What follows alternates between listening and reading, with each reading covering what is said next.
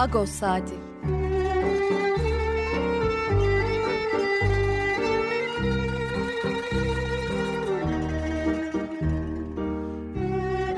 Haftalık Agos gazetesinin penceresinden Türkiye ve Dünya gündemi. Agos'un mutfağından haberler, söyleşiler, olaylar.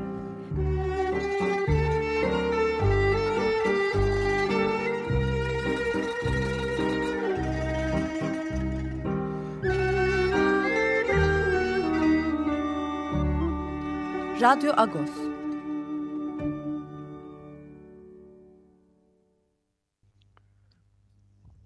Başkan günaydın. Parlıyız. Ben Yetver Tanzikyan. Bu hafta size ben yardımcı olacağım. Yine evden yapıyoruz yayını. Ee, ilk bölümde yine Pakrat abiyle beraber Agos'u, e, Türkiye'nin ve Ermeni toplumunun gündemini konuşacağız. Ee, hangi şarkıyla girdik? Ben onu bir anons edeyim. Ee, Hayk Yazıcıyan, e, Yarım Mardu, e, Yaraguda. 1959'da Halep'te dünyaya gelen Hayk Yazıcıyan.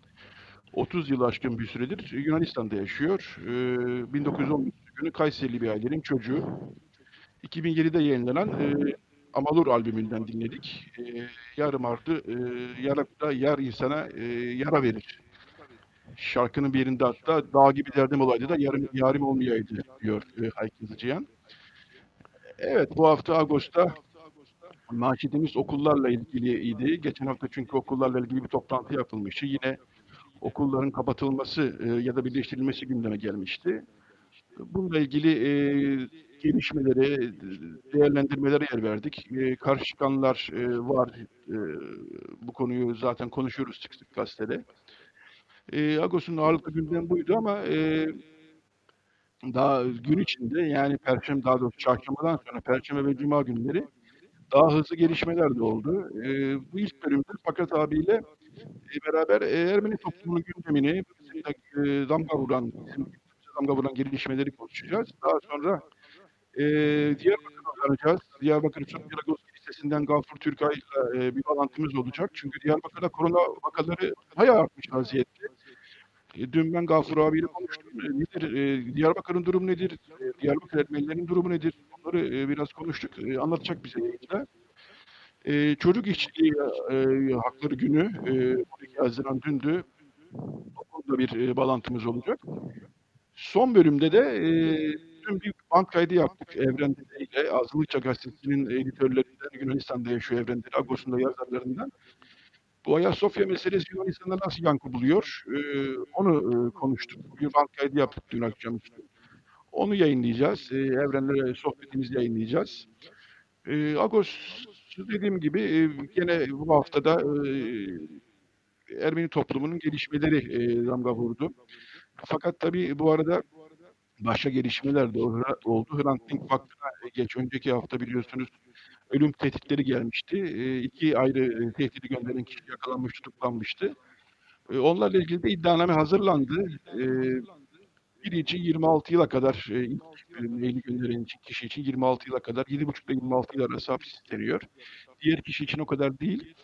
E, ama ikisi için de hapis cezası isteniyor. E, bunun e, duruşması olacak belli ki mahkemesi olacak. Bu henüz iddianame, mahkeme ne karar verecek bilmiyoruz. Fakat Ranting Vakfı da hafta içinde e, gelen bütün destek mesajlarına teşekkür etti e, ve bir de video yayınladı. E, bu videoyu da hem Ranting Vakfı'ndan hem de gazetemizden bulabilirsiniz. İçeriğini de e, gazetemizden bulabilirsiniz. E, gazetede gene yayınlanan e, hiçbir haberimizde Vakıflı Köy'ün artık bir müzesi var. E, o müzeyle ilgili biz bir ay kadar önce burada bir yayın yapmıştık hatırlarsınız. Zora Baytar Çapar'la. Onunla bir röportajımız daha detaylı. Müzede neler var neler yok. E, onları anlattı. Güzel bir müze olmuşa benziyor ve e, açılış yapamasalar da ziyaretçi e, kabul etmeye başlamışlar. E, Patrik abi hatta mısın? Evet. Nasılsın? Evet hattayım. Evet nasılsın abi? 65 yaş üstüne artık saat 10 ile 8 arasında sokağa çıkma serbestiyeti geldi. Serbestiyeti geldi. Geldi geldi evet bu anlamda e, şüphesiz ki e, moralimiz biraz daha iyi oldu. Çünkü e, bizi moral olarak sanki saf dışı bırakmış bir e, ruh hali içerisindeydik. Bizden vazgeçtiler ya da bizi unuttular gibi e, alınganlık halleri baş göstermeye başlamıştı. Neyse biz şimdi e, biraz daha serbestlik bulduk. E, daha iyi oldu. Ee, Fakat abi ben e, yayının başında da söyledim. E, biraz e, hareketli birkaç gün geçirdik Ermeni toplumu açısından. Bununla ilgili gelişmeleri biraz özetlemek istiyorum. Şimdi Beyoğlu Üçören Vakfı yönetimi tartışılan bir yönetimdi. İlk iki kişiye düşmüştü yönetim kurulu üyesi sayısı. Bir de bütün bu sürecin içerisinde Esayan e, okulun iki müdürünün görevine son vermişlerdi ve çok büyük tepki olmuştu. Bu tepki içerisinde e, Ermeni Vakıflar Birliği Başkanı ve Surp Kırgıç Hastanesi Vakfı Başkanı Bedros Şirinoğlu Vakıflar Genel Müdürlüğü'ne bir mektup yazmıştı. E, vakıf seçimleri yapılana kadar bunun e, Beyoğlu Üç Oranı yönetimini e, iyilik oraya devredin diyerekten. Bu mektup gerçi biraz tartışma da yaratmıştı. Yani hukuki midir değil midir e, gibisinden. Bu mektuptan sonra e, başka gelişmeler de olmuş. E, öğrendim ki e, bazı kaynaklardan Fatih Maşalyan da e, bir mektup yazmış e, Vakıflar Genel Müdürlüğü'ne ve bu konuda Ermeni toplumunun rahatsızlığını iletmiş. Hatta bir de telefonla görüşmüş Vakıflar Genel Müdürlüğü. Daha sonra e, toplum içerisinde gelişmeler hızlanmış. E, Tıbra Banka teklif edilmiş e, ondan sonra. Daha ortada e, bir gelişme yok ama oradan çıkan bir e, teklif, e, öneri e, gündeme gelmiş. Hink Hastalıtyon, e, yani bizim Ermeni toplumunda beş ulusal kurum diyebileceğimiz, e, bütün e, İstanbul'un yönetiminin oy verdiği e, geleneksel olarak, yani sadece semtin e, oturanların oy vermediği beş büyük kurum. Kim bunlar? Surpırgıç Hastanesi, Kalfayan Okulu, Tıbrabank Surpaç, Yetronagan e, ve Karagözcan. Bunların e, yönetim kurulu başkanlarından oluşan bir e, grup e, artı iki kişi yani Simon Çeken ve e, Berrin Dayan şimdiki Beyoğlu Çoran Vakfı yönetimi. Yani toplam 5 artı 2 7 kişi olsun bu işin yönetimi. Tıbra Bank Yönetim Kurulu Başkanı Toros Alcan da e, bu şartla kabul etmiş e, bu e, yönetime eğer olursa eğer girmeyi tabii. E, bu listede e, Vakıflar Genel Müdürü'nün e, önüne gitmiş. E, Burhan Ersoy'un önüne gitmiş. Yani böyle bir teklif var. E, Pattin desteğiyle e, özetle öyle söyleyeyim ben. E, bu gelişme üzerine e, Vakıflar Genel Müdürü Burhan Ersoy da e, bunlar edindiğimiz bilgiler tabii. Resmi açıklamalar değil bunlar ama benim e, konuya yakın kaynaklardan, konuşmalarından çıkardığım sonuçlar bu. E, bunun üzerine e, Beyoğlu Üçören Vakfı Yönetim Kurulu Başkanı Simon Çekemi Ankara'ya davet etmiş. Perşembe günü oluyor bir görüşme. Fakat öğreniyorum ki e, Simon Çekem e, bu listedeki bir kişiye itiraz etmiş. Bu olursa olmaz demiş. Dolayısıyla görüşme çok bir yere varamamış. Hatta Simon Çekem ben başka birkaç isim bulayım öyle geleyim demiş. Ben Vakıflar Genel Müdürü neler söylediği üzerinde duramam. Çünkü onun kendi e, yapacağı açıklamalar daha e, önemli olur ama şunu söyleyebiliriz ki bu görüşme çok bir yere e, şu an için sonuçsuz. Fakat bir e, süreç başlamış vaziyette böyle gidiyor. E, şimdilik bakalım nasıl sonuçlanacak. Önümüzdeki günlerde herhalde Simon Çeken de dün e, Marmara ve Jamalaka açıklama yaptı ve önümüzdeki günlerde daha detaylı açıklama yapacağım ama görevin başındayım dedi. Fakat e, Patrik Maşalyan'ın da devreye girdiğini, Vakıflar Genel Müdürlüğü'nün de devreye girdiğini biliyoruz artık e, yeni bir yönetim yapılanması için. Tabii ki bu iş için e, en köklü çözüm vakıf seçimlerinin yapılması. Kesinlikle. Yani, seçimler yapılamıyor 8 yıldır. En yeni yönetim kurulu e, 8 yıllık öyle diyeyim ben. En yenisi bu yani 8 yıllık. E, 9 yıllık 10 yıllık yönetimler var. E, fakat işte burada çok konuştuk bu konuyu. E, bu e, vakıf seçimlerine, yani vakıf yönetim kurulu seçimlerine imkan verecek e, talimatname Vakıflar Genel Müdürlüğü tarafından bir türlü yayınlanmıyor. Burada artık kimin e, ne etkisi var onları da çok konuştuk. Tekrar bu konulara girmek istemiyorum ama Sonuç olarak durum bu. Ee, galiba biz daha önce fakat e, kararname beyefendinin masasındadır gibi bir laf da duymuştuk. Yani e, sanki Vakıflar Genel Müdürlüğü'nden çıkmış gibi bir e, ifade sanki daha önce duymuştuk. Satır aralarında evet, e, Vakıflar Genel Müdürlüğü çevrelerinden gelen böyle bir açıklama duymuştuk sanki. Ee, evet öyle söyleniyor. Yani artık Vakıflar Genel Müdürlüğü'nün uhdesinden çıktı bu konu söyleniyor diye deniyor. Ee, ama yine de e, yani biz mi? E, bizim bazı vakıf yöneticilerimiz mi işi biraz artık uzatıyor? E, bunlar her şey iç içe girmiş vaziyette. Geçen hafta Cuma günü yapılan toplantıda daha 2-3 yıl seçim yok gibi bir lafta çıkmış. E, konuşulmuş orada. Dolayısıyla bu konu hakikaten e, Ermeni toplumu da zorluyor, Rum toplumu da zorluyor. E, gerçekten bütün azınlık vakıflarını zorlayan bir hale geldi. Tabii ki burada sorumlu devlettir, hükümettir. Yani seçim genelgesini iptal eden siz bundan 8 yıl önce, 7 yıl önce yeni yeni e, genelgeyi de yayınlamak da e, devlete düşer. E, yani orada mağdur olan toplum. Çok basit bir şekilde yani. Bunu söylemek lazım. E, dolayısıyla burada Beyoğlu Üçören konusunda önümüzdeki günlerde biraz daha e, bir gelişmeler olacak gibi gözüküyor. E, ben de son havadisler bunlar fakat abi. Evet mağdur olan toplum derken aslında e, toplumun işleyiş mekanizmasına çok ciddi bir sabotaj oldu bu durum. Çünkü bu toplumun e, düzenli işleyişi ancak e, muntazam seçimlerle sağlanabilirdi. E, buna getirilmiş önemli bir darbe oldu bu. Ee, ve bizle beraber Rum cemaati, Yahudi cemaati de aynı mağduriyeti yaşıyor. O da işin başka bir boyutu. Ve biliyoruz ki buradaki bizler, bizler açısından tabii hükümet e, ne tasarruf yapıyor onu bilmiyorum ama en önemli tıkaç seçim sistematiği. Çünkü mevcut sistemde her bir kilise bölgesi bir anlamda otonomiye e, kavuşmuş durumda. Ama o kilise bölgesinin yönetimini o kilise bölgesinde ikamet eden Ermeniler seçer gibi bir e, prensip vardı. Fakat bu günümüzün gerçekliğine uymuyor. Şehirdeki demografik değişimler e, bazı kiliseleri nüfussuz bıraktı. E, bazı semtler var ki e, orada yaşayan sadece belki birkaç aile var. Bazen o bile yok. E, ama şartname orada da orada yaşayan insanlardan bir yönetim oluşmasını ve orada yaşayan insanların bu yönetimi belirlemesini dayatıyor. En büyük zorluk bu. Bunu aşmak istiyoruz ama bu aşıldığında da e, oradaki e, çarkın başında durma pozisyonunu kaybedecek olan kimi insanlar buna direniyorlar. Bütün mesele buradan kaynaklanıyor.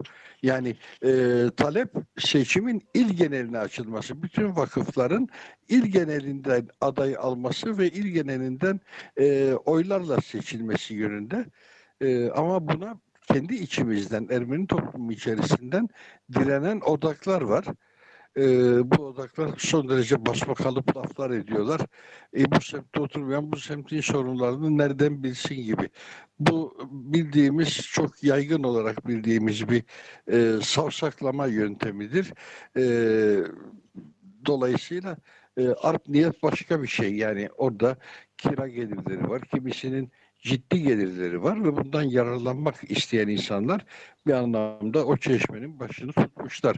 Bunlar biliyorum ki kimilerine çok kırıcı eleştiri gibi geliyor ama işin gerçekliği de bu ve daha vahim olan bir şey Türkiye Ermeni toplumu içerisinde gitgide yaygınlaştırılan bir söylemle Patrikhane de bu söylemin aracısı oluyor çoğunlukla güvenilir insanlar Hani bu toplumun bir de güvenilmez insanlarını deşifre edin de aklınız başımıza gelsin. Kimi kastediyorsunuz? Güvenilir diyerek bir avuç e, bu konuda artık e, bu çirkin tabiri kullanacağım e, mazur görün ama kaşarlanmış insanları muhatap almak, bunlara e, sıfatlar, hayırsever falan gibi sıfatlar yüklemek ve bunlar yetmezmiş gibi sonra da bunları güvenilir insanlar olarak tanımlamak oldukça bölücü, aşağılık bir tavır toplum içerisinde. Bu tavra hem Patrikhane'nin söylemlerinde tanık oluyoruz hem de vakıf yöneticilerinin söylemlerinde tanık oluyoruz. Kendileri dışındaki herkesi güvenilmez gibi algılayan bir zihniyet var karşımızda. Ee, bu konuda biliyorum ben konuştukça oldukça sert konuşuyorum ama işin gerçekliği de bu. E, bu gerçekliği herkes farkında olduğu halde kimse bu minvalde konuşmuyor çünkü aman kimse kırılmasın diyor. E, yok kırılması gereken varsa kırılsın, alınması gereken varsa alınsın. Biz bütün söylemlerimizde hep bu genellemeleri yaparken istisnaların olduğunu söylüyoruz. Çok saygın insanların var olduğunu gerçekten de biliyoruz. Onun için altını çizerek söylüyoruz. Ama onun dışında bu genellemeye uygun bir tablo var toplumun güvenilir insanları. E, güvenilmezleri kimler bir açıklayın bakalım. Kimi kastediyorsunuz? Fakat abi şimdi biz bir e, şarkı arası daha verelim. Evet Ondan- ben çok öfkelendim değil mi abi? Öfkelendin abi. Bir şarkı arası daha verelim. Tamam. Çünkü e, bir şarkılı program bu. Altuğ Yılmaz'ın seçtiği şarkıları biz e, yaklaşık 7 yıldır e, burada yer veriyoruz. O da özenle seçtiği şarkılar.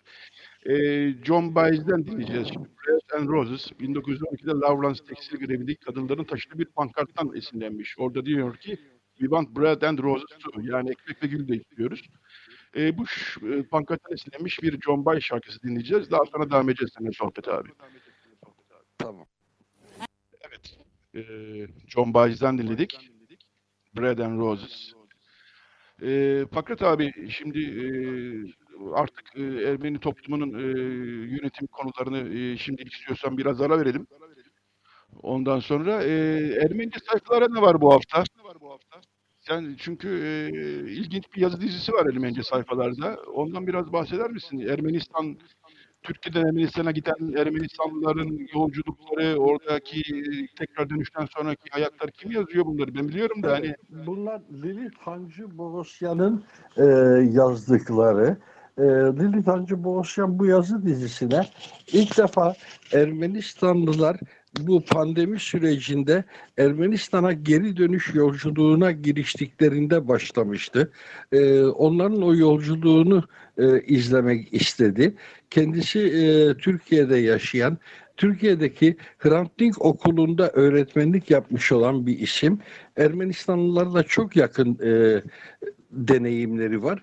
O yüzden de e, her hafta onlarla röportaj tadında güzel yazılar yazdı. Bu önümüzdeki sayıda da gene bir yazısı olacak. E, bu yazıda da özellikle e, Arapgir ve Yeni Arapgir'i anlatacak. Arapgir bildiğimiz Malatya'nın ilçesi. Geçmişte Ermeni nüfusunun çok yoğun olduğu bir ilçe. Ee, neredeyse çoğunlukla Ermenilerin yaşadığı bir ilçe. Ee, 1915 sonrasında tabii ki o tablo değişti ama Arapgir'de 1960'lara kadar falan yaşayan Ermeniler, 70'lere kadar yaşayan Ermeniler vardı. Bugün artık hemen hemen yok gibi ya da istisna belki bir iki kişi var gibi. Ee, buna karşılık Ermenistan'da da Nor Arapgir diye bir e, mahalle var Yerevan'ın yakınlarında E, ve o mahallenin kuruluşu Arapgir'den Ermenistan'a savrulup orada yeni Arapgir'i inşa eden insanların e, hikayelerini anlatan bir yazısı olacak önümüzdeki sayıda. E, bu sayıda ise e, iki çocuğuyla birlikte Türkiye'de yaşam mücadelesi veren bir kadının hikayesi var. Ee, o Ermenistan'a geri dönmeyenlerden burada bir süre daha kalıp daha sonra mutlaka geri dönmek istiyor. Çünkü e, çocuklarımın hayali halen Ermenistan diyor. E, bizim e, geleceğimiz orada şekillenebilir ancak. E, Lintancı her hafta dediğim gibi e, insan hikayeleri anlattı e, bu pandemi süreci boyunca o yazılar e, o süreçte doğdu zaten e, ve çarpıcıda e, bir okur kitlesine de hitap ediyor. İlgi gören yazılar oldular. E, böyle devam edecek. Bu hafta e, Ağustos'taki en önemli Ermenice sayfalardaki haber senin de altını çizdiğin gibi e, buydu. Ama e, bunun dışında Zovinar e, her hafta yaptığı gibi e, bu hafta da toplumsal hayatı inceleyen bir yazı yazdı. E, Amerika'daki eylemler ve onların e, arka planı e, burada da çok çarpıcı hikayeler anlattı. Mesela e, Los Angeles'ta e, kendi işlettiği restoranın talan edilmesine engel olmak için Rus mafyası diye tanınan ama aslında içinde bir tane Rus ya var ya yok e, bir Ermeninin davetiyle restoranın önüne toplanan 12 kişiden bahsediyor. E, restoranın adı Pushkin Restoran. Pushkin restoranını talandan korumak için e, dostlarına haber veriyor. Dostları dediği e, Ermeni bir adam çağrıyı yapan ama e, dostları Azerbaycanlı, Özbekistanlı, Ukraynalı Rus da var aralarında. Gürcistanlı e, 12 silahlı adam gelmişler ve orayı korumuşlar. Orayı korurken yandaki dükkanlar da korunmuş olmuş. Oralara bir saldırı olmamış. Cam çerçeve indirilmemiş. E, bunun ilginç haberini e, aktarmıştı Zoviner bu hafta. E, Ermenice sayfalarda gene değişmez bir yazarımız var. Her hafta e, bir köşede e, yazılarını yazıyor. Daha doğrusu Ermenice'nin etimolojik analizini yapıyor sözcüklerin. E, her hafta bir sözcük e, e, seçerek e, onun hikayesini anlatıyor. E, çoğu zaman ilk kez nerede, hangi metinde bu sözcüğe rastladık, nasıl kullanıldı, nasıl değişimler gösterdi gibi çok ilginç e, dil bilimciler açısından özellikle buna ilgi duyan insanlar için çarpıcı bilgiler e, taşıyan yazılar yazıyor. Bu haftaki yazısı ayna sözcüğü üzerindeydi. Ee, aynanın-. Noray Daduryan'ı diyorum. Evet, aynanın e, edebiyatta kullanımı, e, simgesel olarak kullanımı üzerine çok hoş örneklemeler de e, vererek e, gene keyifli bir yazıya imza atmıştı. Noray Ee, onun dışında- zaten bize e, tavsiye ediyoruz abi. Gerçekten Ermenice okuyabilenler için e, büyük bir lezzet. E, ben bu arada Fakir abi bu bölümün e, son iki dakikası bu. E, senin sözünü kesmiş gibi oldum ama Ermenistan demişken Ermenistan'da da koronavirüs günlük vaka sayıları çok yüksek. Yani oraya göre yüksek. E, Çok durum çok ciddi ve e, ben bu hafta birkaç kişiyle konuştum. E, bir te- birkaç tekstil fabrikası var. İşçileri tekrar çağırmışlar. Görev başına çağırmışlar ve vakaların bir kısmının oradan yayıldığı Gümrü'de bilhassa iki tekstil iki tekstil fabrikası. Vakaların bir kısmının oradan yayıldığı söyleniyor. Burada bir Paşinyan hükümetine de ciddi eleştiriler var. Yani bu işte çok organize olamadı devlet gibisinden. Fakat günlük 600-700 günlük vaka sayısı gerçekten çok yüksek. E, Çok bu- yüksek. bunu da not düşmek gerekir. Ee, yani Ermenistanlılar, Türkiye'de yaşayan Ermenistanlılar pandemi döneminde haklı olarak e, kendi ülkemizde yaşayalım bari e, ne, ol, ne olacak başımıza ne geleceği belli değil dediler gittiler oraya. İyi de başlamış Ermenistan bu işe gerçekten. E, ilk başlarda hakikaten durum kontrol altında gidiyordu. Ama son 2-3 haftadır durum kontrolden çıkmış gibi gözüküyor. E, Ermenistan'a Özellikle de belli serbestlikler tanındıktan sonra böyle oldu. Pek çok yerde olan tabloyu orada da gördük. Yani bir anlamda hayatı normalleştirme çabaları, istekleri akabinde böyle bir soruna da yol açtı. Ee, dün çok çarpıcı bir şeye tanık oldum ben. Ermenistan televizyonunda Paşinyan e, halka çağrı yaptı ama aynı metni arka arkaya beş defa tekrarladı. Hani Sağır Sultan da duysun gibilerinden bir mesajdı bu muhtemelen. Beş defa aynı metni tekrarladı.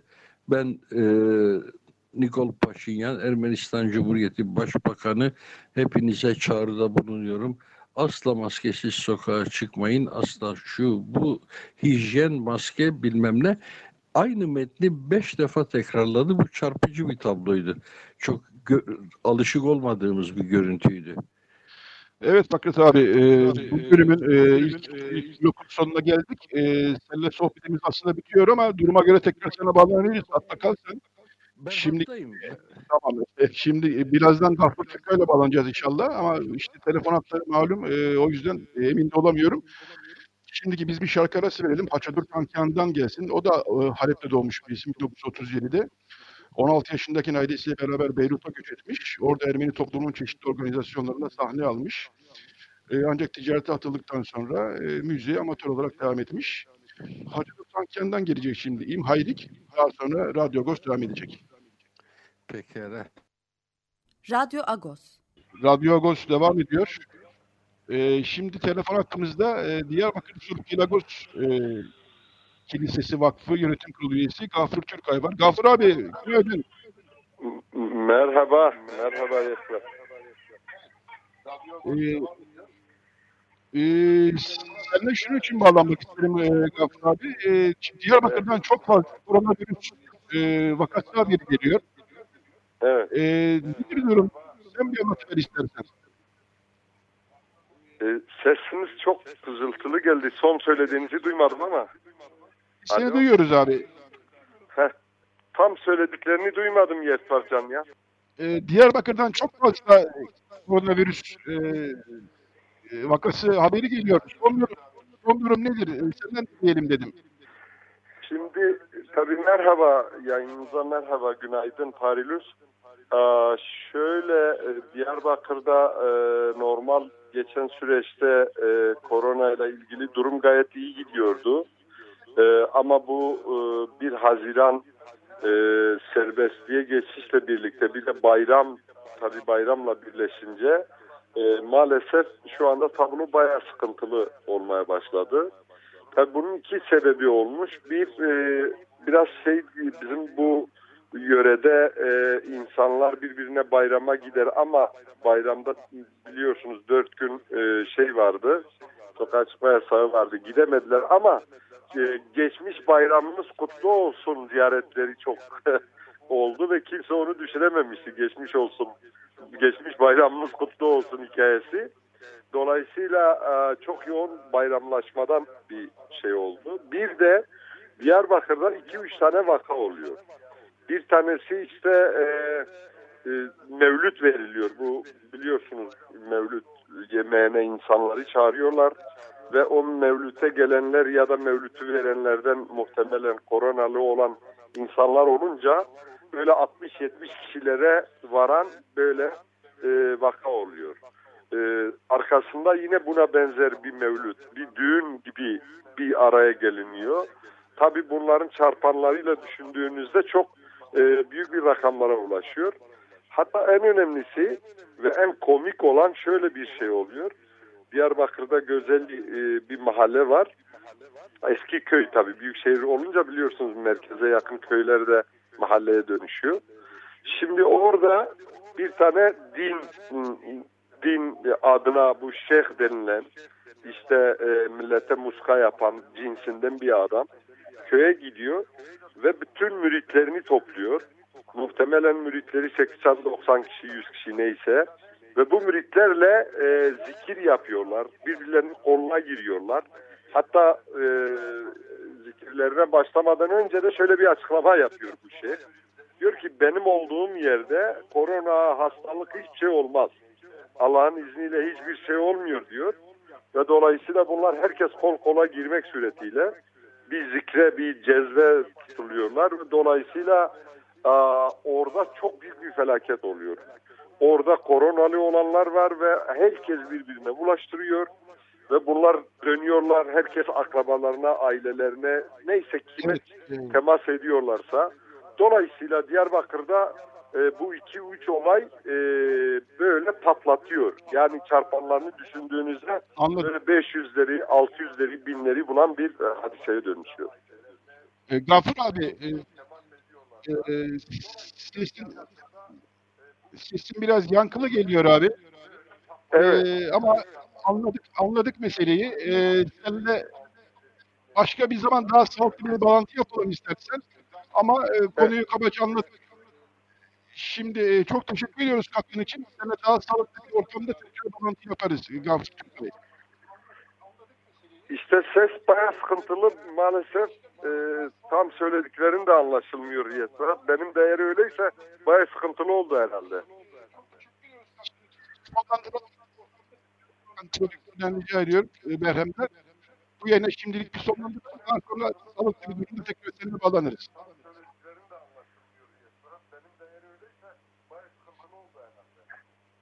Şimdi biz bir şarkı arası verelim. E, Perihan Altın sözlerinden geldi. E, Leyla'yım ben böyle yari diyecek e, Perihan Altın sözleri. E, Evet. bir şarkı arası verelim. E, daha sonra e, radyo devam edecek. Devam edecek miyiz Yetverat? E, Siz de sonlandırıyoruz Gafur abi. Ha ben ayrılabilirim yani öyle mi? Çok teşekkürler. Evet, evet. Evet teşekkür ediyorum. Ses bayağı sıkıntılı. Sağ olun. İyi, iyi yayınlar diliyorum. Herkese selam. Sağ olun. Sağ olun.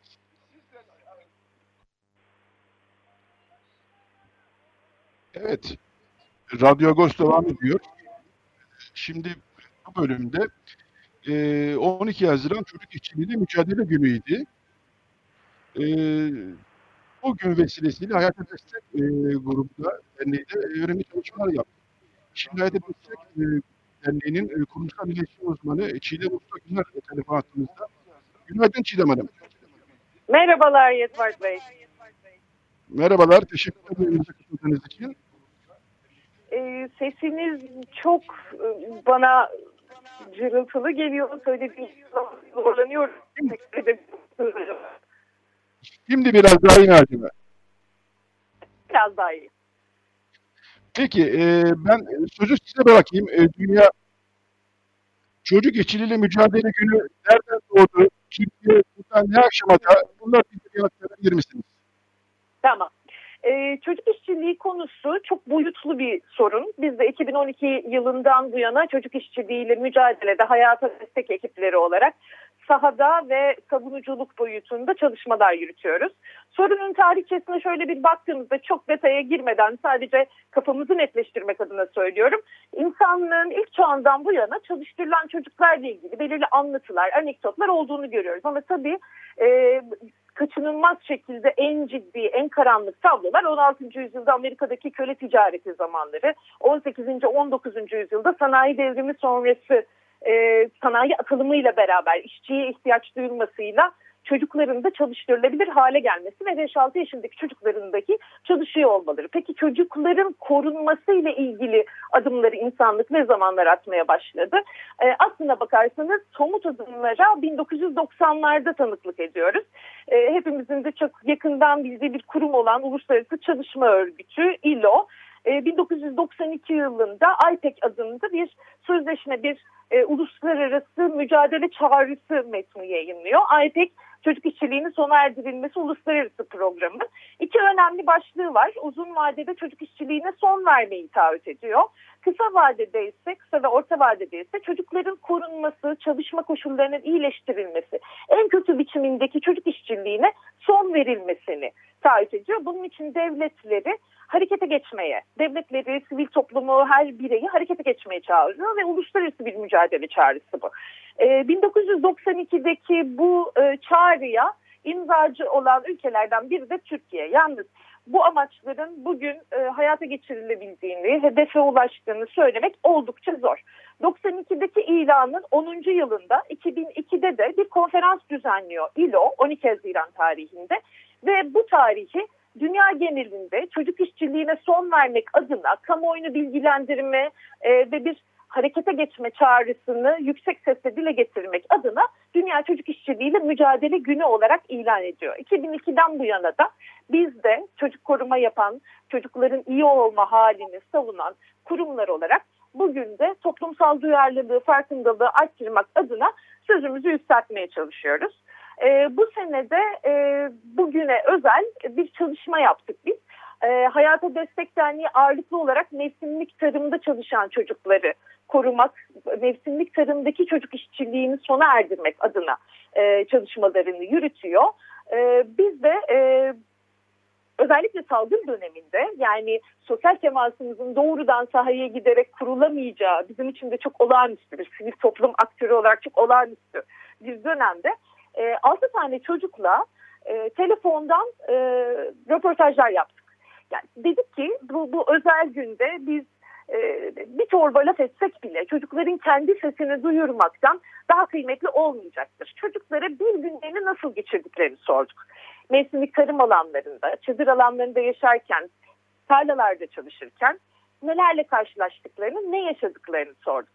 Çocuklardan o naif diliyle anlattıkları e, şeyler zaten gerçekten hikayeyi açık ediyorlar. İşte 13 yaşındaki Hasan diyor ki burada sadece çamur var, toprak var. Oynayacak halimiz mi kalıyor? Neyle oynayacağız zaten? İşte 11 yaşındaki Leyla diyor ki tarladan dönüyorum. Tarladan döndüğümde bu sefer çadır alanının temizliği var, çamaşırı var, yemek yapması var. Bu sefer bunlarla uğraşıyorum. Ve benzeri. Yani çocuklar e, çocuk olma halini yaşayamadan, çocuk olma haklarını e, sahiplenemeden e, birer işçi gibi tarlada mesai yapıyorlar. Çadır alanlarında e, elverişsiz koşullarda çalışıyorlar. e, aynı zamanda da özellikle kız çocukları çadır alanlarında bir de ev içi yük, ev içi mesai dediğimiz e, sorumlulukları üstlenmek zorunda kalıyorlar. E, bunlar neyi beraberinde getiriyor? E, bu arada mevsimlik tarımda çalışan çocuklar Türkiye'de neredeyse bilinen çocuk işçi sayılarının yarısını oluşturuyor. Yüzde 45 civarında e, çocukların tarlalarda çalıştırıldığını, mevsimlik tarım alanlarında çalıştırıldığını görüyoruz biz. E, çocuk işçiliği çocukların zihinsel, fiziksel, sosyal, ahlaki açıdan zarar görmelerine yol açıyor. E, taşıyamayacakları sorumluluklar yükleniyorlar. Gelişme haklarından, sağlıklı gelişme haklarından mahrum kalıyorlar. Eğitimleri engelleniyor, sağlıkları bozuluyor. Çalışma ortamlarında sözlü, fiziksel şiddete, her türlü ihmale, istismara, tacize açık hale geliyorlar. Ve hepsinden daha önemlisi, daha kıyıcı olanı yaşam haklarının ihlali olasılığı ortaya çıkıyor. Velhasıl son 7 yılın e, iş cinayetleri almanaklarına baktığımızda en az 426 çocuğun e, bu iş cinayetlerine kurban gittiğini, hayatını kaybettiğini görüyoruz. Yani çocukların hem sağlıklı bireyler olarak yetişebilmeleri için hem de yetişebilmeleri, yetişkin olabilmeleri, hayatta kalabilmeleri için çocuk işçiliğinin önlenmesi hepimizin şiarı olması gereken, hepimizin önünde hedef olarak durması gereken önemli bir e, konu.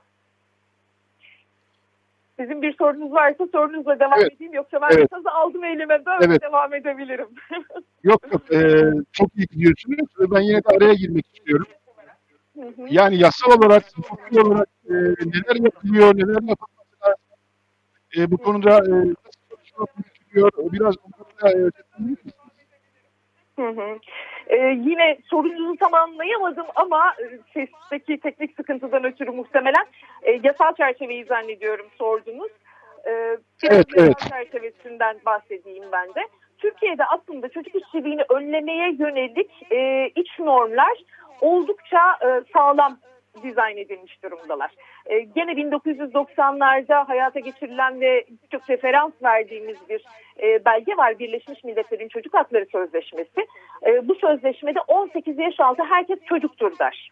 E, İLO'nun sözleşmelerinde ise e, 138 ve 182 sayılı sözleşmelerinde ise öncelikle eğitim, zorunlu eğitimini tamamlamamış bir çocuğun çalıştırılamayacağını, 15 yaşın kritik sınır olarak belirlendiğini söyler ve der ki doğası veya koşulları çocukların sağlığını, güvenliğini veya ahlaki gelişimini tehlikeye atan işlerde çocukların çalıştırılması çocuk işçiliğinin en kötü biçimleridir ve bu çocuk işçiliğinin en kötü biçimleri e, yasaklanmalıdır, yasaktır.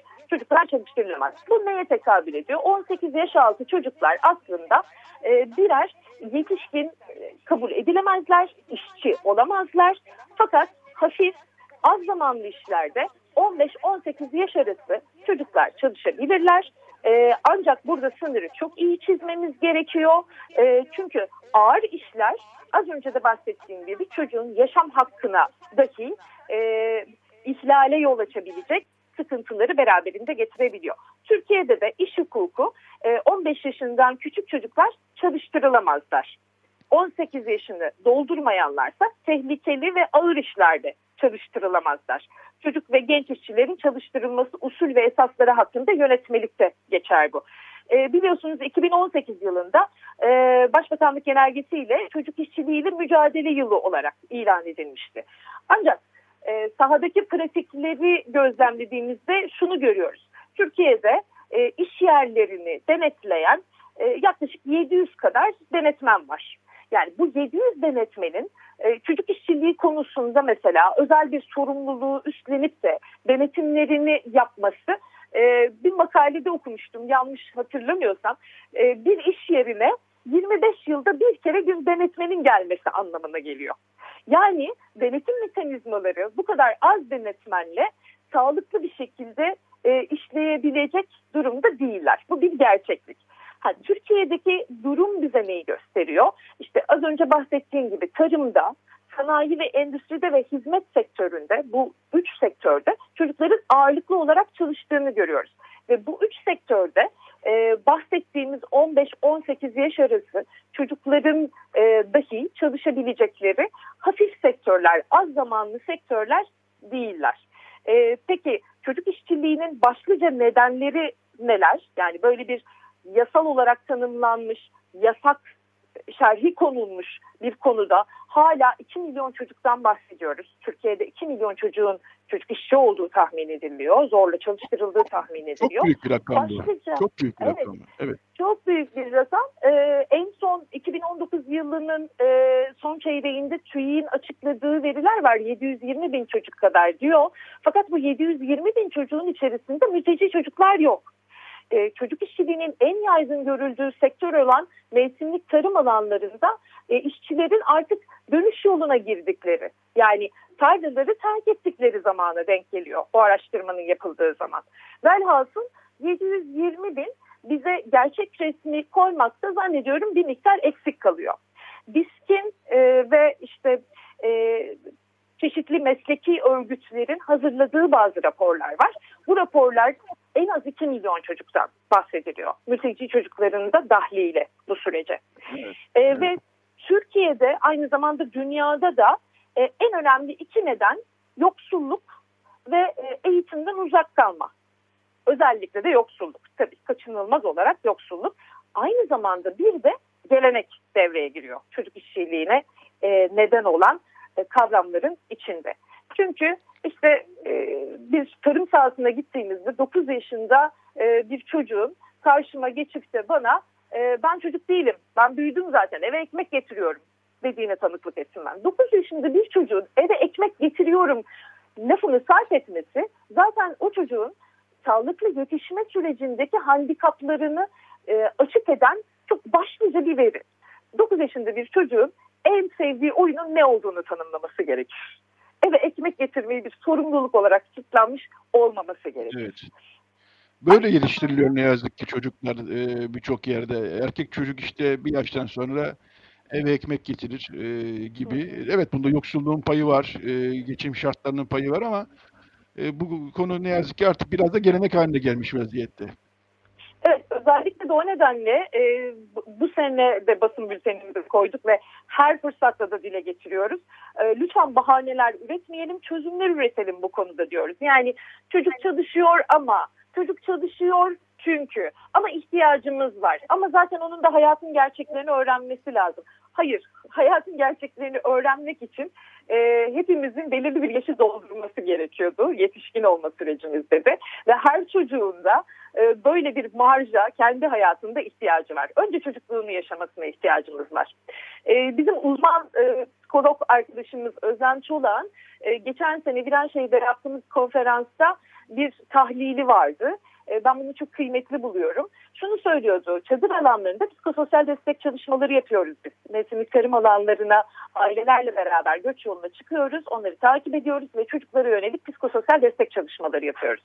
Bu çalışmalar kapsamında çocuklarda motor becerilerinin özellikle de nesillerdir bu işi yapan ve çadır alanlarında büyümek zorunda kalan, orada gelişimini tamamlamak zorunda kalan çocukların motor becerilerinin yani hamurla oynarken işte ellerini kullanması, makası kullanması, el işi yapmalardaki becerileri bunlarda ciddi aksaklıklar olduğunu gözlemliyoruz dedi. Çünkü hı hı. E, çocuğun bu algılarını geliştirebilmesi için e, tam da bir çocuk kimliğiyle etrafındaki e, algılayıcı mekanizmalarını güçlendirecek şeyleri seçebilir, bir refahta, bir sağlıkta olması gerekiyor. E, şu gibi sonuçları beraberinde getiriyor. İşte Zonguldak'ta 5. E, sınıftan mezun olmuş e, bir çocukla yan yana geliyoruz ve okuma yazma bilmiyor bu çocuk. Okuma yazmayı evet. öğrenememiş. Eğitim Peki, ve, e, Buyurun. Evet, e, örnekler çok fazla. E, çok teşekkür ediyorum. E, yani ben biraz araya girmiş gibi oldum ama e, bölümler halinde, süreler halinde gidiyor program. E, hı hı. Bu konuda yapılacak çok iş var. E, bunu anlıyoruz e, evet, açıkçası. Evet. E, Hayata Destek Derneği e, kurumsal iletişim uzmanı Çiğdem Usta Güner e, hattımızdaydı. Çok teşekkürler Çiğdem Hanım. Yani böyle biraz kesmiş gibi oldum ama bir e, band kaydımız daha var. Onu da yayınlamak durumundayız. e, bu bölümün biraz artık yavaş yavaş sonlarına geliyorduk. E, tamam. Son olarak eklemek istediğiniz bir şey varsa kısaca onu alayım ben. E, son olarak eklemek istediğim şey şu. Lütfen bu yayını dinleyen herkes bu işin de bir neticeci olarak kendini görsün. Çünkü çocuklar geleceğimiz, çocuk işçiliği en pahalı emek. Çünkü geleceğimizden çalıyor. Bir çocuğu korumak her yetişkinin e, boynunun borcudur, her yetişkinin sorumluluğudur. Ve unutmayalım bu iş çocuk oyuncağı değil. Biz hayata destek olarak hem sahada hem de kamuoyunu bilgilendirmede elimizden geleni yapıyoruz ve tüm desteklere de çok açığız. E, lütfen hem bizim sesimizi duyun hem de sesimizi duyurmamıza siz de destek olun. Çok teşekkür ederiz Bey bize bu alanı, bu fırsatı tanıdığınız için. E, benim de söyleyeceklerim bu kadar. Çok sağ olun. Biz, biz teşekkür ediyoruz. Evet. Bu konumuz daha çok iş var. Ee, tekrar teşekkürler, kolaylıklar diliyorum. Şimdi Radyo Agos e, e, devam ediyor. E, şimdi bir küçük bir şarkı arasımız var. Ana Mura'dan gelecek. Portekiz'in Fado kraliçesi olarak tanımlanan Ana Mura'nın 2014 yılında çıkan e, ikinci albümünden dinleyeceğiz. Fado Menor. Daha sonra e, Evren Dede'ye uzanacağız. Evren Dede'yle dün biz bir e, kayıt gerçekleştirdik. Bu Ayasofya meselesi biliyorsunuz çok gündemde. E, Ayasofya'ya Yunanistan'a nasıl bakılıyor, Yunanistan'ın gündemine bunları konuştuk. Önce bir şarkı arası, daha sonra Evren Dede birlikte olacağız. Evet, e, Radyo Gos'u bu band kaydıyla kapatıyoruz. O yüzden vedayı ben şimdiden yapıyorum. E, birazdan Evren Dede ile birlikte olacağız band kaydımızla. Radyo Gos'tan bu haftalık bu kadar. E, haftaya tekrar görüşmek üzere. Şarkılarımızı e, her zaman olduğu gibi Altuğ Yılmaz seçmişti. Ona da teşekkür ediyoruz. Evet, iyi bir hafta sonu diliyoruz. Radyo Gos haftaya tekrar e, cumartesi sabahı her zamanki saatinde olacak.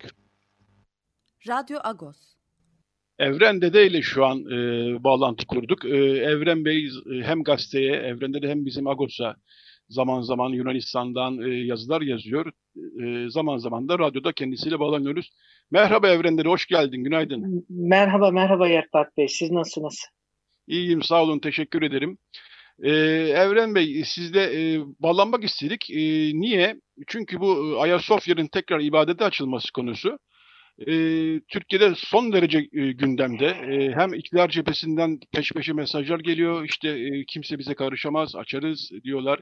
Hem konu Danıştay'ın gündemine geldi. Danıştay bu konuda bir duruşmalı oturum yapacağını e, ilan etti 2 Temmuz'da.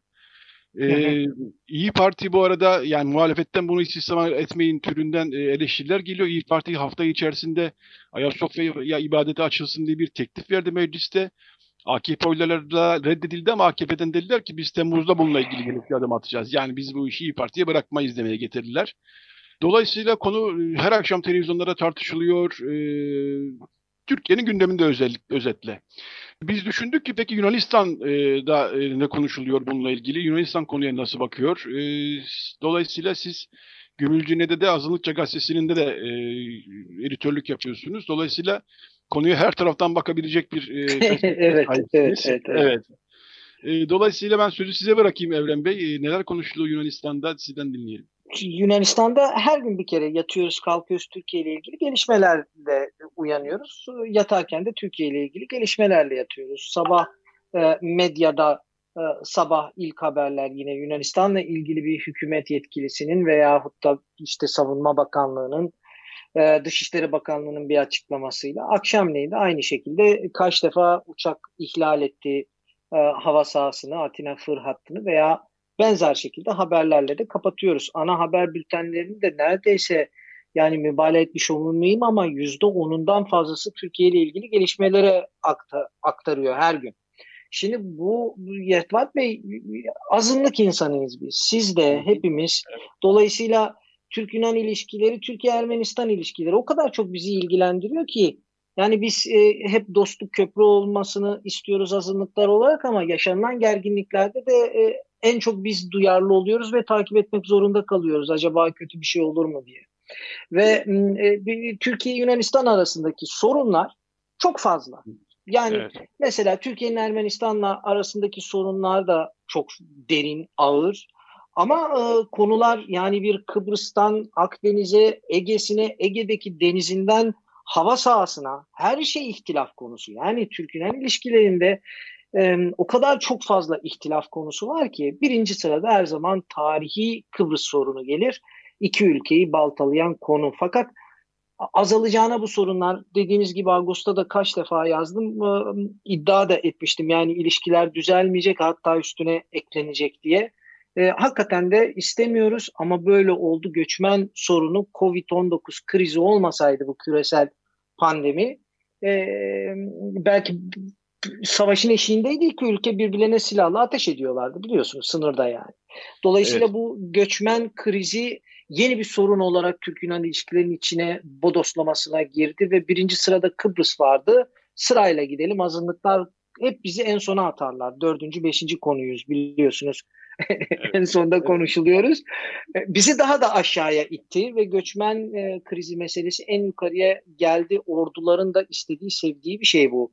Bu göçmen krizinde Yunan ordusu da tatbikat yapabilme fırsatı yakaladı kendi e, şeyinde. E, dolayısıyla e, göçmen krizi. Üstüne bir de düşünün göçmen kriziyle bitmedi. Libya ile yapılan anlaşma. Ya Libya'da e, Türkiye bir tarafı destekliyor. Yunanistan Hafter öbür tarafı destekliyor. Yani e, a, dünyanın hangi ucuna gidersek şu anda Türkiye ile Yunanistan farklı tarafları destekliyorlar. Üstüne bir de dönün Ayasofya meselesi geldi. E, Ayasofya'nın bir kere azınlık meselesiyle ilgili hassasiyeti var. Mesela Patrikhane oradan ses edemiyor. Ola, gelişmeleri takip ediyor. Çünkü yani çok üst perdede oynanan meseleler bunlar şu anda. Ee, e, Yunanistan'daki boyut da ikiye ayıralım. Bir, halk, sokaktaki halk. Ya Yunanlılar için e, Kabe neyse Müslümanların, e, Yunan Ortodoksları için Ayasofya'da odur yani. Dolayısıyla e, e, e, Kral Konstantin yani her şeyle Yunanlı gördükleri yani bu Osmanlı İmparatorluğu evet almış İstanbul'u e, bir kez daha fethedilmiş hissi nasıl Müslümanlar e, duyacaksa namaz kılınmasıyla Yunan bir Yunan da aynı şekilde bir kez daha kaybetme hissini yaşıyor. Dolayısıyla duygusal anlamda kimliğiyle birleştirdiği bir şey adı gibi yani adının nasıl kimliği e, adı olmuş artık. Ayasofya'da bir Yunanlı için bu dolayısıyla burada e, halk bazında ciddi bir e, üzüntü, kızgınlık, milliyetçi ise çok işte e, farklı tepki veriyor, kimisi üzüntülü. E, mabet olması açısından kimliğiyle de örtüştüğü için çok büyük bir tepki, üzüntü var. Tabii siyasi açıdan farklı. Şu an milliyetçi, sağ bir iktidar var Yunanistan'da. Nea Demokratia Yeni Demokrasi Partisi. E, dolayısıyla Türkiye'deki iktidar bununla ne kadar büyük bir oy patlaması yaşayacaksa Müslümanlar üzerinden buradaki iktidarın da çok ciddi tepki alıp e, ciddi bir sarsıntı siyasi anlamda da geçireceğini görüyorum. E, iki boyutu var ve e, Yunanistan'da çok fazla şu anda bu konu ikinci plana atılarak Libya meselesine karşılık Türkiye'nin Libya'da yaptığı kıta bu e, Libya'daki bir bölümüyle yaptığı anlaşma üzerinden denizler arası a, anlaşmaya müte, mütekabiliyet olarak karşılık vermek açısından iki gün önce İtalya ile anlaşma yaptı Yunanistan. E, münhasır ekonomik bölge Nedir bu dinleyicilere kısacık onu da söyleyeyim. Çünkü çok detaya inince de anlaşılmıyor. Münhasır ekonomik bölge zamanında efendim denizin altındaki e, doğal gazı kimse düşünmemiş. E, e, herkes karadaki petrole bakarken o zamanlar çıkarabilmeyi bile düşünmedikleri için bir yakalanan balıkmış. Kimse dememiş denizin altındaki toprak da benim. Düşünmemiş. Şimdi evet. teknoloji ilerleyince altından çıkan ne varsa bir para ediyor. Dolayısıyla ülkelerde ekonomik e, sıkıntılar var. E görüyoruz bir Birleşik Arap Emirlikleri denizin altından İran öyle sayabiliriz bir sürü. Dolayısıyla kıymetlendi denizlerin altındaki toprakların altındaki yeraltı zenginlikleri. İşte münhasır ekonomik bölge o ülkenin olan denizin altındaki toprağı gösteriyor. İstediği araştırmayı yapıp çıkardığı bütün şeyi de satabiliyor. Böyle olunca da Şimdi münhasır ekonomik bölge. Ege'de bir kere deniz sınırı belli değil. Ege'de bir kere hava sınırı belli değil. Kıbrıs'ta deniz sınırı belli değil. Ee, yani e, İsrail, bakın e, e, Akdeniz'e en fazla kıyısı olan Türkiye ama Türkiye'nin bütün karşı kıyılarındaki herkes bir araya gelip Türkiye'ye karşı e, bir durumda şu anda. Evet. E, e, e, öyle bir şey içinden geçiyoruz ki cenderenin içerisinden. E, iki gün önce İtalya ile apar topar anlaşma yapıyor Yunan hükümeti, bizim buradaki hükümetimiz ve e, hemen eli kulağında şimdi 5 gün sonra da Mısır'a gidip Mısır'da anlaşma yapacak. E, e, bütün bunlar içerisinde Ayasofya 2-3 gündür veya 5 gündür geri plana doğru hükümetin bilerek atmak istediği hmm, çünkü e, e, hezimettir o yani yapabileceği hiçbir şey de yok ve bu konuda biliyorsunuz Amerika'dan bir açıklama geldi.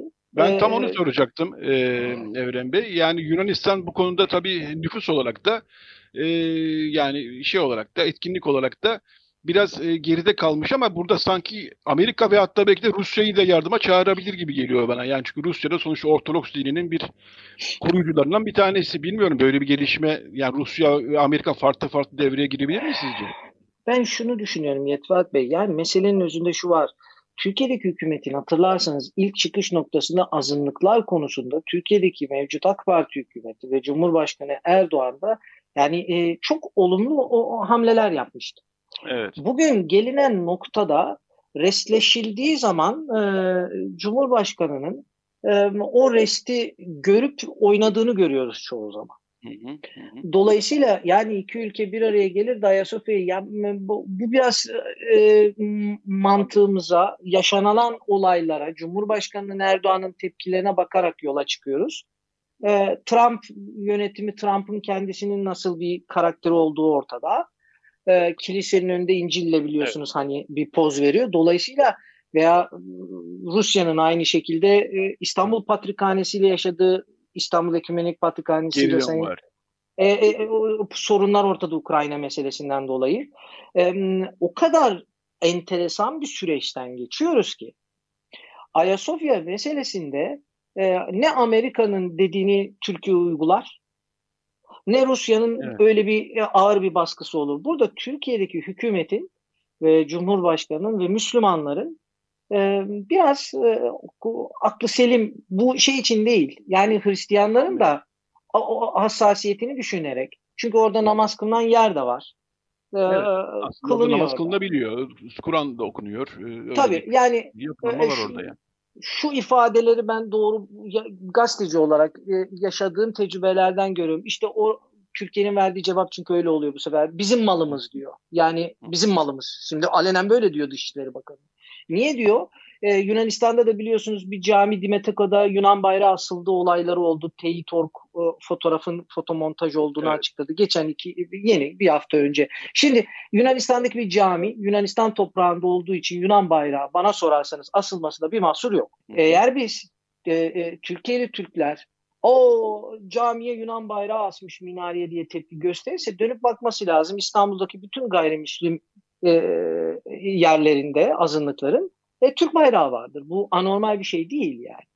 E, dolayısıyla azınlıklar zaten hep tepki gördüğü için e, evet. tam tersine kendilerini o topluma kabul ettirmek için koyarlar. Yani e, sıkıntı oradan başlıyor bir tarafta da. E, aman baskı gelmesin. Aman şu yani Yunan askeriyesinde hiçbir Müslümanı dönüp ben Türk'üm demesi mümkün mü ya? Yani bazı şeyler e, zaten azınlıklar kendi otosansürlerini yapıyorlar yeri geliyor. Dolayısıyla e, e, Ayasofya gibi, cami gibi e, e, Dimetoka'daki en eski Osmanlı İmparatorluğu'nun başkenti Dimetoka zamanında daha İstanbul alınmadan ve oradaki kutsiyeti farklı Avrupa'daki ilk cami büyük ve başkenti Osmanlı İmparatorluğu'nun e, hemen orada bir olayla olay tekrar canlandı. Bir Yunanlı geldi bayrak astı belediye başkanı indirdi. E, ben şöyle değerlendiriyorum. E, milli kimlikler zorlandığı zaman üzerine hmm. gidildiği zaman Türkiye'de dönüyor. Benim fethettiğim malım mülküm cevabı veriyor ki bu o, evet. o fayda getirmiyor.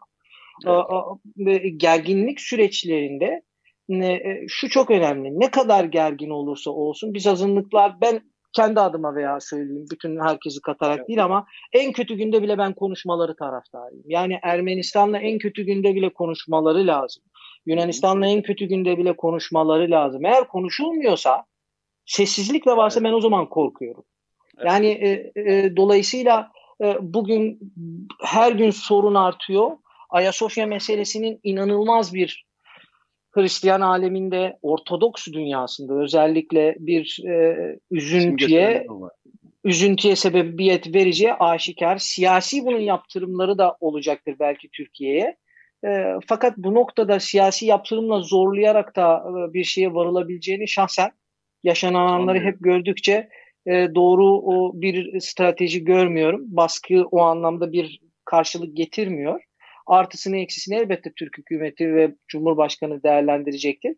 Ama Yunanistan'ın bugünkü pozisyonunda e, Yunanlılar gözünden baktığımız zaman çok büyük bir üzüntü olacak. Yani e, mabetlerinin e, çünkü orası cami olarak yapılmamış ve bir Müslüman da düşündüğü zaman evet fethin sembolüdür.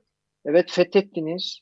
Evet Müslümanlar fethetti ama hemen dibinde de cami var. Yani bir Müslümanın Hristiyanın ibadet ettiği bir yere e, gidip illa alması o anlamda gerekmiyor şu an.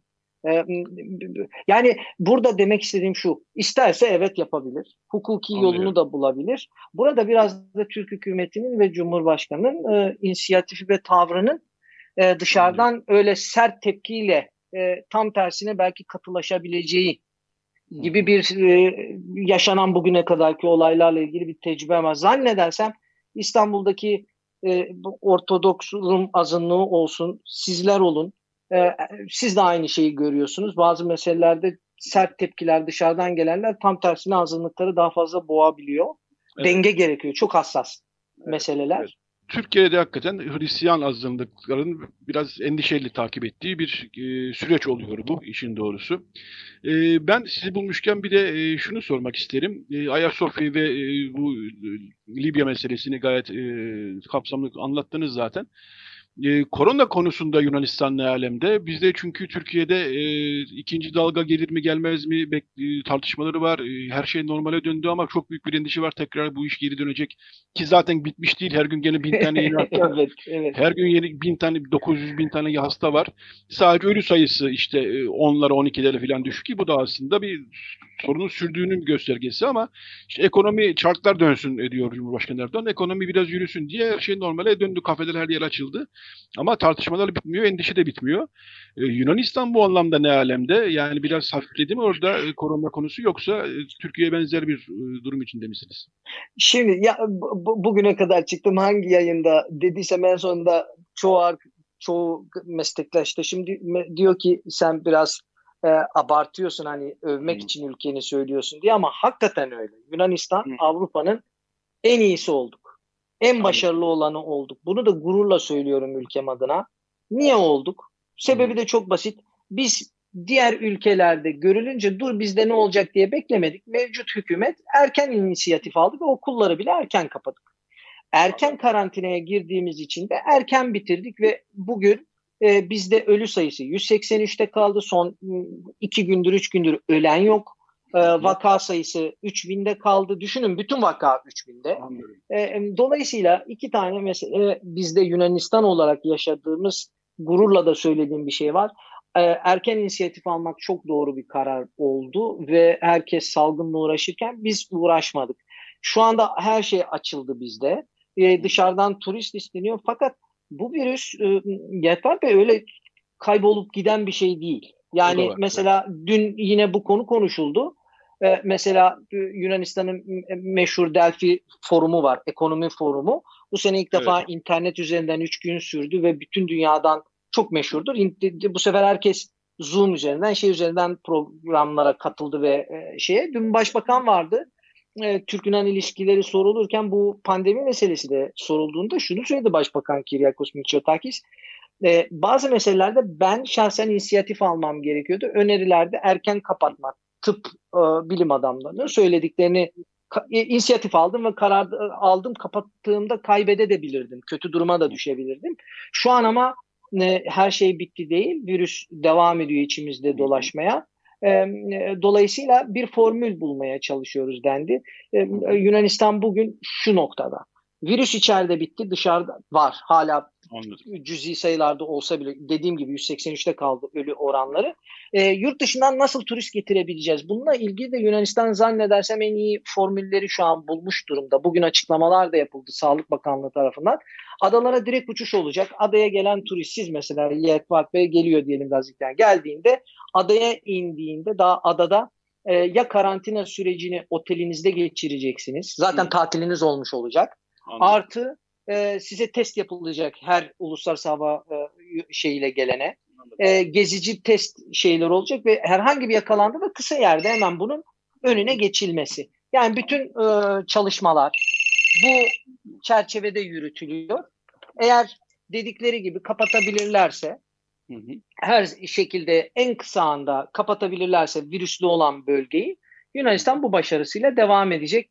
E, Türkiye'deki süreç Yunanistan'da ekonomiyle ilgili iyi mi? Hayır. Yunanistan'da da ekonomi çok kötü. Tek bir avantajımız oldu. Biz biliyorsunuz zaten batmıştık gayri resmi dolayısıyla. Evet, evet. zaten Anladım. Yunan toplumu olarak battığımız için mali krizde 11 senedir onun evet. verdiği bir nasıl diyeyim size bir, olmuş zaten diye. Dolayısıyla oradan o, bir olan olmuş zaten evet. Olan olmuştu zaten. Tecrübeliydik.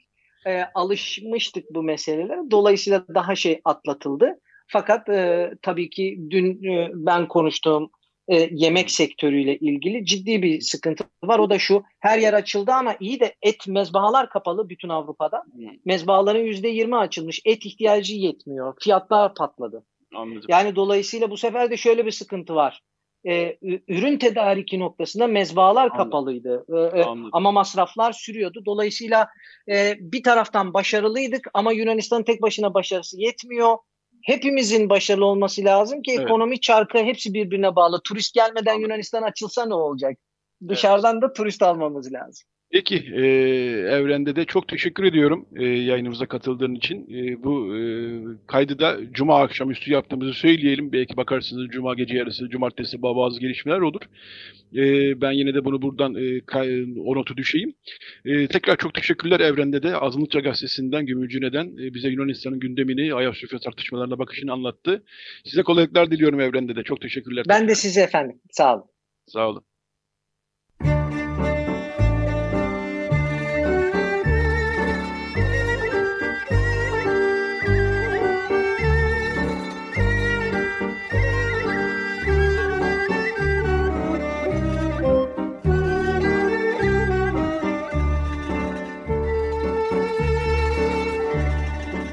Agos Saati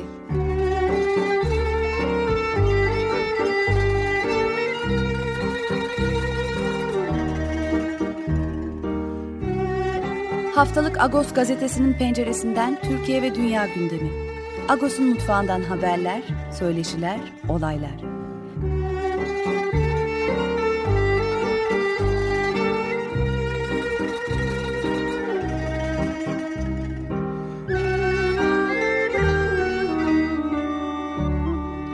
Radyo Agos.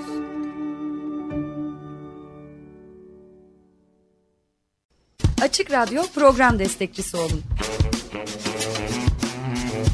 Bir veya daha fazla programa destek olmak için 212 alan koduyla 343 41 41.